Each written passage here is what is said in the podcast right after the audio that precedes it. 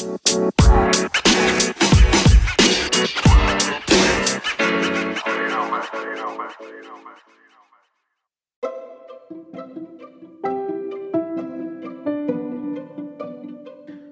assalamualaikum warahmatullahi wabarakatuh. Kembali lagi. Aduh kembali-kembali terus ya.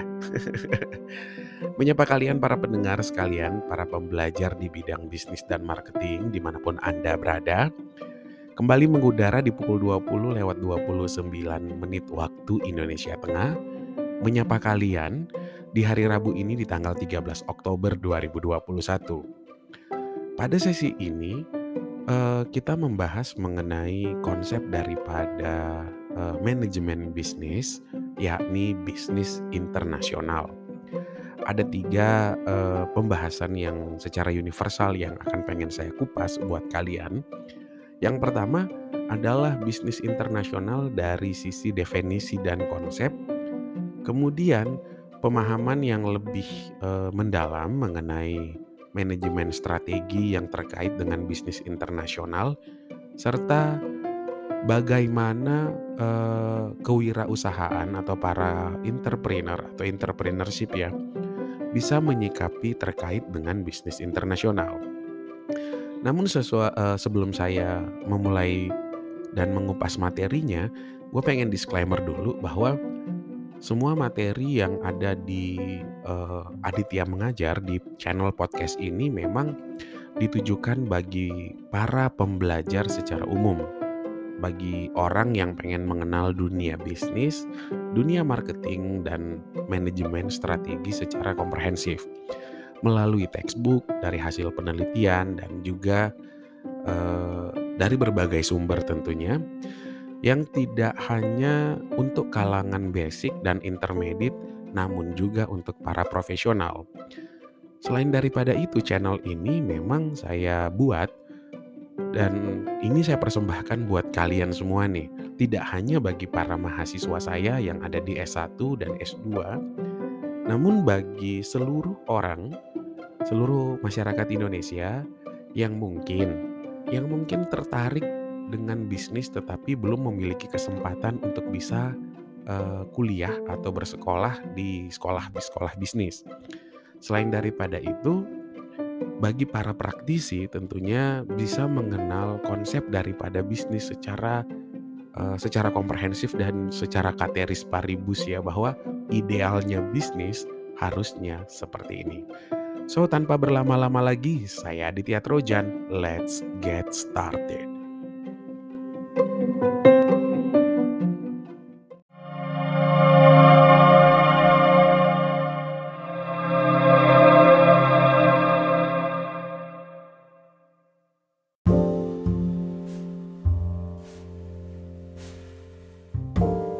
Secara definisi, bisnis internasional berkaitan dengan isu apa pun di mana produksi atau distribusi barang atau jasa yang melintasi batas negara. Globalisasi pergeseran menuju ekonomi global yang lebih saling bergantung dan terintegrasi tentunya menciptakan peluang yang lebih besar bagi bisnis internasional. Oleh sebab itu, globalisasi semacam itu dapat terjadi dalam hal pasar di mana hambatan perdagangan mengalami penurunan dan preferensi pembeli yang berubah-berubah. Hal ini juga dapat dilihat dari sisi produksi, di mana suatu perusahaan dapat dengan mudah mendapatkan barang dan jasa dari negara lain. Beberapa eh, pelaku bisnis ya, terutama manajer, menganggap definisi bisnis internasional hanya terkait dengan bisnis seperti yang disarankan dalam banyak yang dalam banyak textbook. Namun, definisi bisnis internasional yang lebih luas dapat melayani siapa pun para pelaku bisnis dengan lebih baik secara pribadi maupun profesional di, di dunia yang telah bergerak melampaui produksi industri yang konsepnya secara sederhana. Bisnis internasional mencakup berbagai pertukaran lintas barang atau jasa atau sumber daya antara dua negara atau lebih. Pertukaran ini dapat melampaui pertukaran uang untuk berupa barang fisik atau mungkin dalam bentuk transfer internasional yang meliputi berbagai macam sumber daya Misalnya seperti orang, orang yang dimaksud di sini adalah uh, tenaga kerja yang uh, bekerja di luar negeri, kemudian kekayaan intelektual misalnya paten, hak cipta, merek dagang dan kemudian pertukaran data atau informasi serta aset atau kewajiban kontraktual. Misalnya, hak untuk menggunakan beberapa aset asing memberikan beberapa layanan masa depan kepada para pelanggan asing atau mengeksekusi instrumen keuangan yang sebenarnya sifatnya lebih kompleks. Entitas yang terlibat di dalam bisnis internasional berkisar dari perusahaan multinasional besar dengan karyawan yang jumlahnya sangat banyak. Nah, yang melakukan bisnisnya itu di banyak negara di seluruh dunia hingga perusahaan satu orang yang bertindak sebagai importir atau eksportir. Ini secara definisi ya. Lalu, manajemen strategi dan kewirausahaan yang terjadi di dalam konsep bisnis internasional di mana ini melibatkan uh, lebih erat melibatkan tentang knowledge management atau uh, knowledge sharing. Jadi uh, manajemen ilmu pengetahuan sendiri dan bagaimana manajemen dari penyebaran ilmu pengetahuan tersebut. Pengetahuan tentang manajemen strategis dan kewirausahaan tentunya akan meningkatkan pemahaman kita semua bagi para pembelajar serta bagi para pelaku bisnis tentang bisnis internasional. Manajemen strategi ini uh, jadi uh, ketika kita berbicara tentang bisnis internasional itu tidak terlepas daripada uh, konsep daripada manajemen strategi. Ya lagi-lagi untuk memasuki pasar yang lebih luas, strategi yang diterapkan juga harus lebih rigid dan setidak-tidaknya itu memang lebih kompleks. Oleh sebab itu, bagi para pembelajar utamanya mahasiswa yang uh, pengen belajar tentang uh, bisnis atau mengambil mata kuliah daripada uh, manajemen bisnis itu mereka terlebih dahulu harus menghatamkan mata kuliah manajemen strategi. Nah, ini pengen nge-refresh dulu nih. Jadi manajemen strategi itu berbicara mengenai tentang kumpulan pengetahuan yang menjawab pertanyaan tentang pengembangan dan implementasi strategi yang baik dan terutama ini berkaitan dengan faktor-faktor penentu kinerja suatu perusahaan atau suatu bisnis. Lalu, strategi pada gilirannya merupakan konsep yang sebenarnya sangat sentral sebenarnya sangat sentral ini. Terlalu membuang-buang kata ya.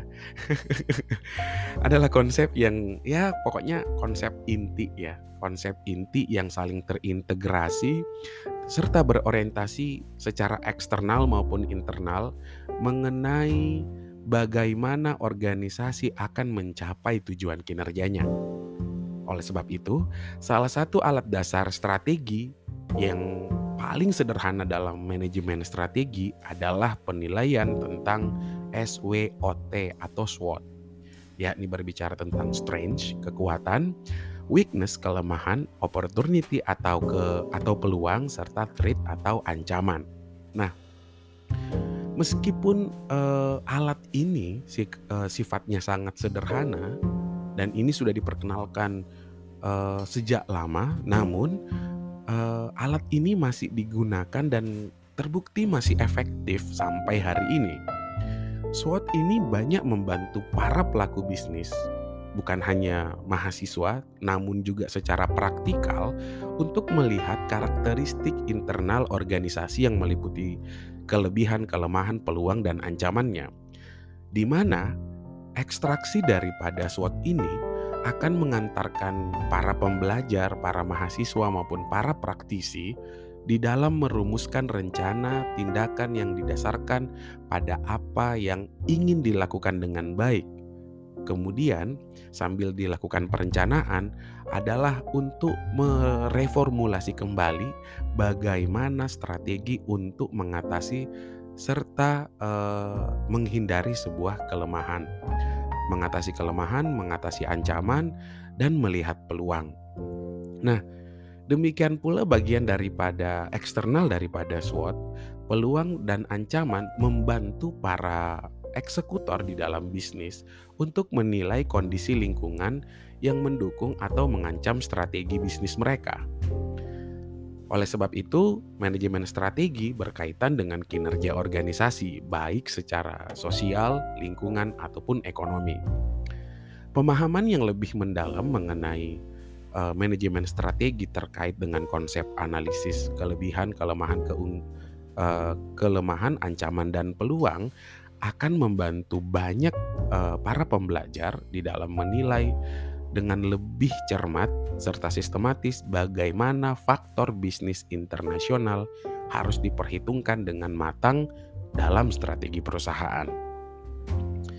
Lebih lanjut dengan hal yang kita bahas barusan, dalam konsep entrepreneurship atau kewirausahaan, sebaliknya didefinisikan sebagai pengakuan sebuah peluang, yakni adanya kebutuhan, keinginan, masalah, dan tantangan serta penggunaan atau penciptaan sumber daya untuk mengimplementasikan ide-ide kreatif untuk usaha baru yang direncanakan dengan matang.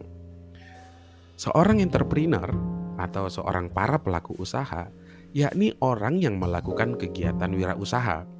Kewirausahaan sendiri seperti manajemen strategis akan membantu kita memahami secara lebih filosofi mengenai peluang yang tersedia untuk menghubungkan ide-ide baru dengan pasar-pasar yang telah tersedia.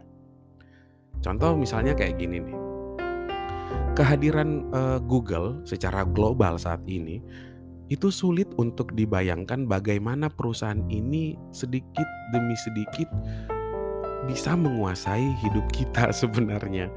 Perusahaan yang uh, belum sampai 100 tahun ya, tapi ya udah udah puluhan ya, udah sampai 10 sampai 15 tahun sebagai usaha yang pertama kali didirikan oleh mahasiswa. Jadi Google itu diciptakan oleh dua orang mahasiswa yakni Larry Page dan Sergey Brin. Nah, tentu mahasiswa ini bukan mahasiswa kaleng-kaleng ya dan juga bukan berasal dari Universitas Kaleng-Kaleng.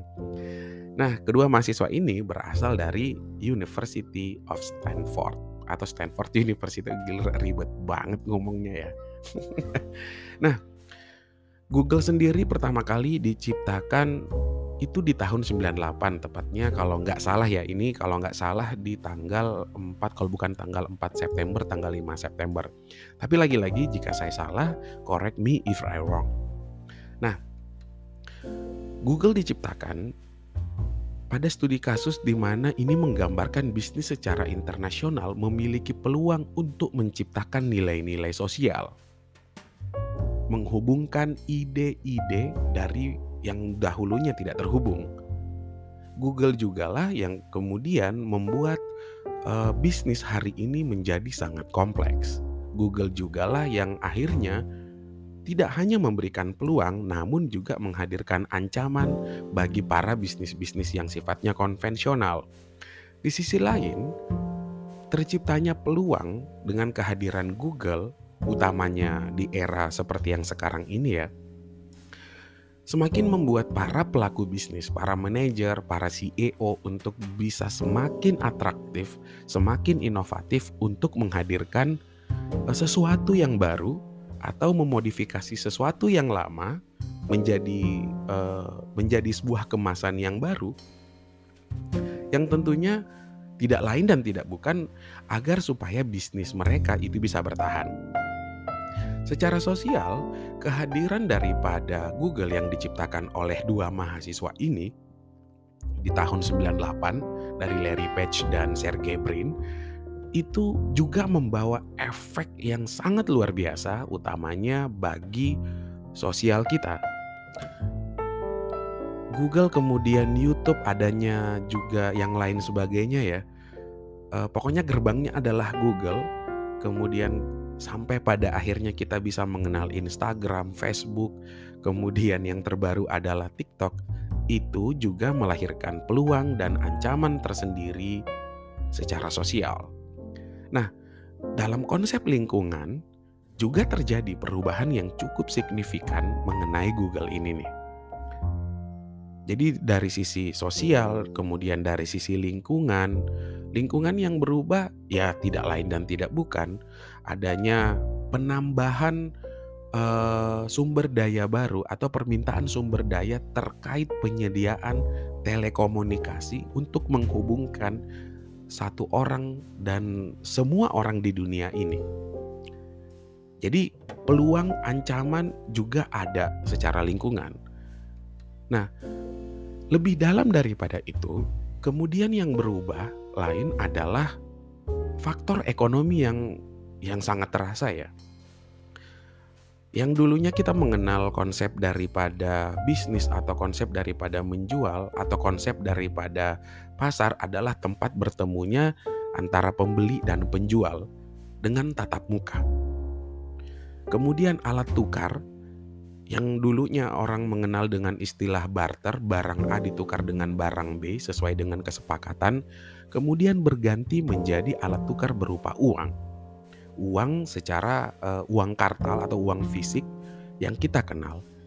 Namun, lagi-lagi kehadiran teknologi dan semakin giatnya teknologi yang digawangi dan digerbangi oleh Google dewasa ini menjadikan konsep marketing itu menjadi lebih luas dan tentunya lebih bias, tergantung sudut pandang dan cara pandang kita.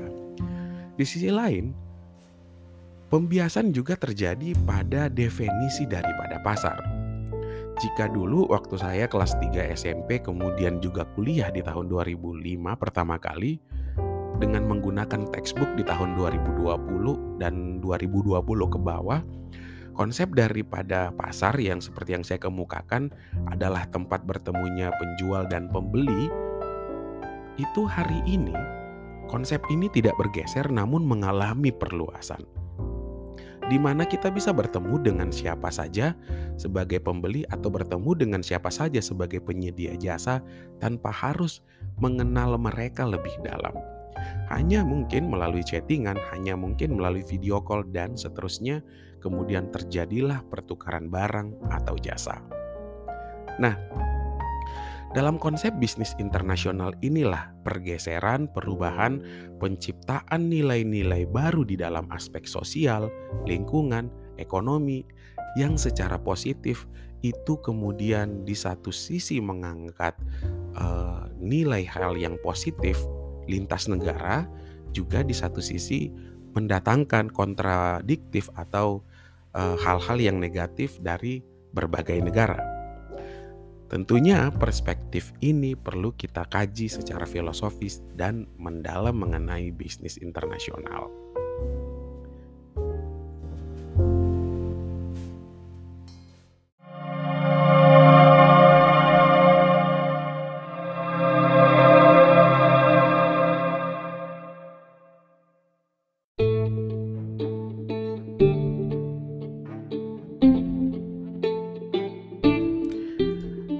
Kita beralih lagi mengenai manfaat bisnis internasional.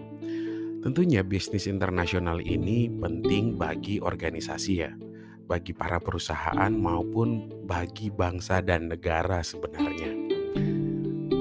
Nah, manfaat daripada bisnis internasional nih ketika kita bicara dari konsep negara. Yang pertama adalah bisnis internasional mendorong suatu negara untuk memperoleh devisa yang dapat dimanfaatkan untuk mengimpor barang dagangan dari pasar global. Nah, adanya adanya devisa atau uh, uang yang masuk yang bersumber dari pembeli dari negara yang lain itu berpeluang untuk menciptakan ekonomi yang lebih baik bagi masyarakatnya. Yang kedua, Manfaat daripada bisnis internasional bagi suatu bangsa tentunya mendorong spesialisasi suatu negara dalam hal produksi barang dagangan yang diciptakannya dengan cara yang terbaik. Dan tentunya karena uh, ber, karena berpulang pada kompetensi inti sehingga hal ini tidak hanya untuk memproduksi barang dengan cara yang terbaik, namun juga memungkinkan suatu negara bisa memproduksi barang dengan harga yang lebih terjangkau. Misalnya, katakanlah Jepang.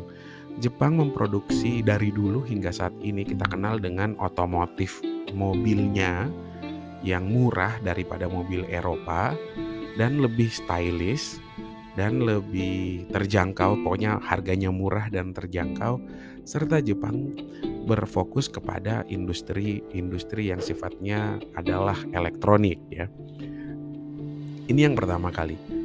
Kemudian eh, negara-negara lain misalnya Eropa yang membuat barang yang lebih tahan lama, terutama mungkin eh, eh, Amerika dan Jerman ketika kita bicara tentang otomotif ya Makanya ada istilah mobil mereka itu adalah American Muscle atau ototnya Amerika.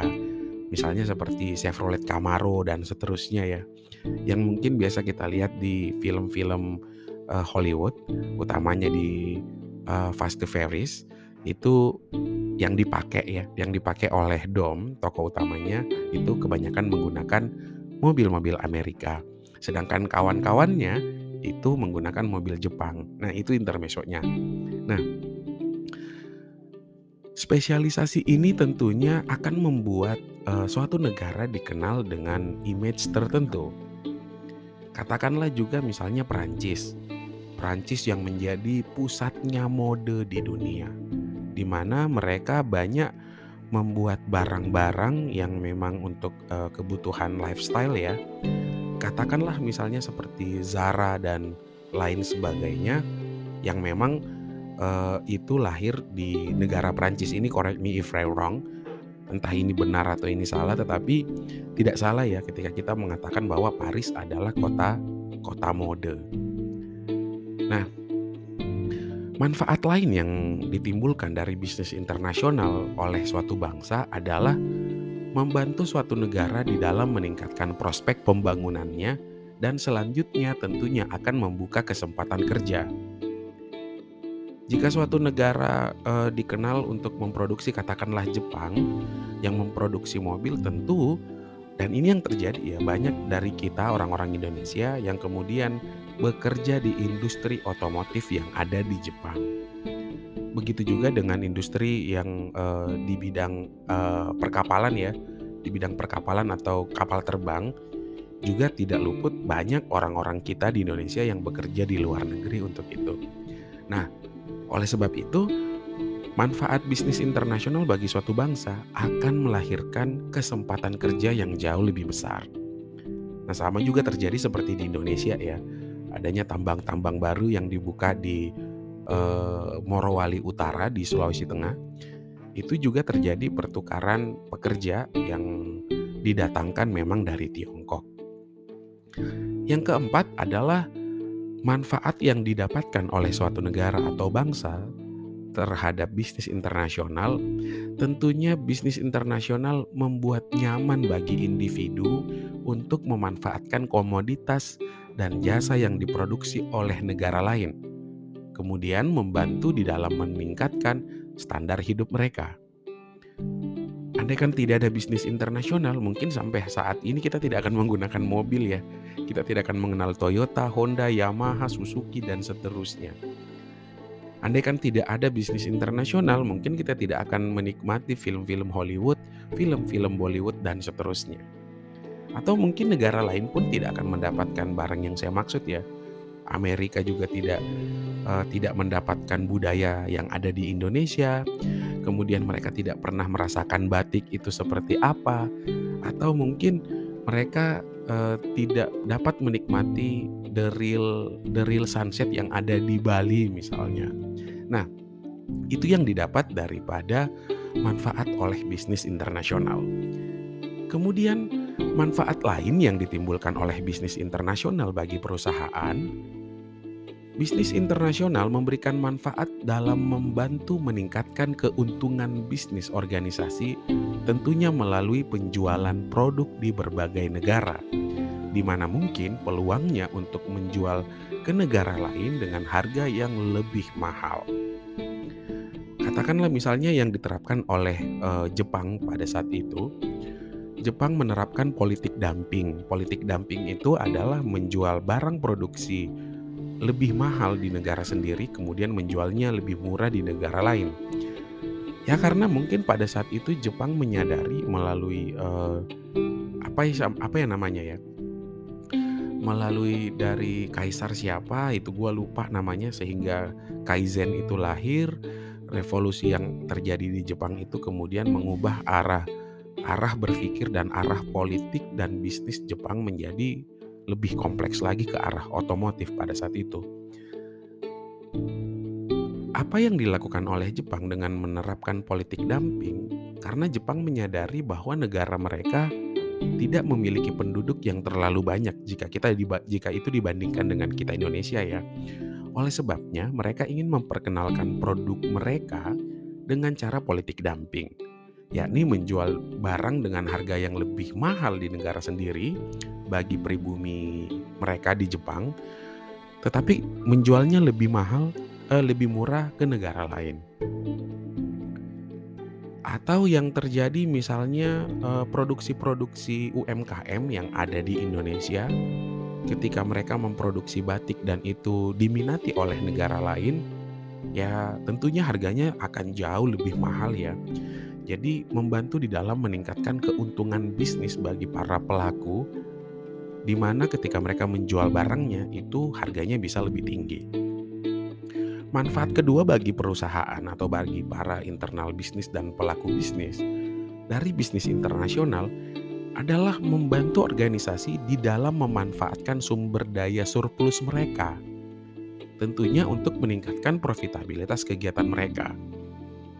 Apa yang dimaksud dengan memanfaatkan sumber daya surplus? Katakanlah misalnya seperti kita di Indonesia. Kita untuk sumber daya alam itu sangat melimpah baik nikel, batu bara dan yang lain sebagainya.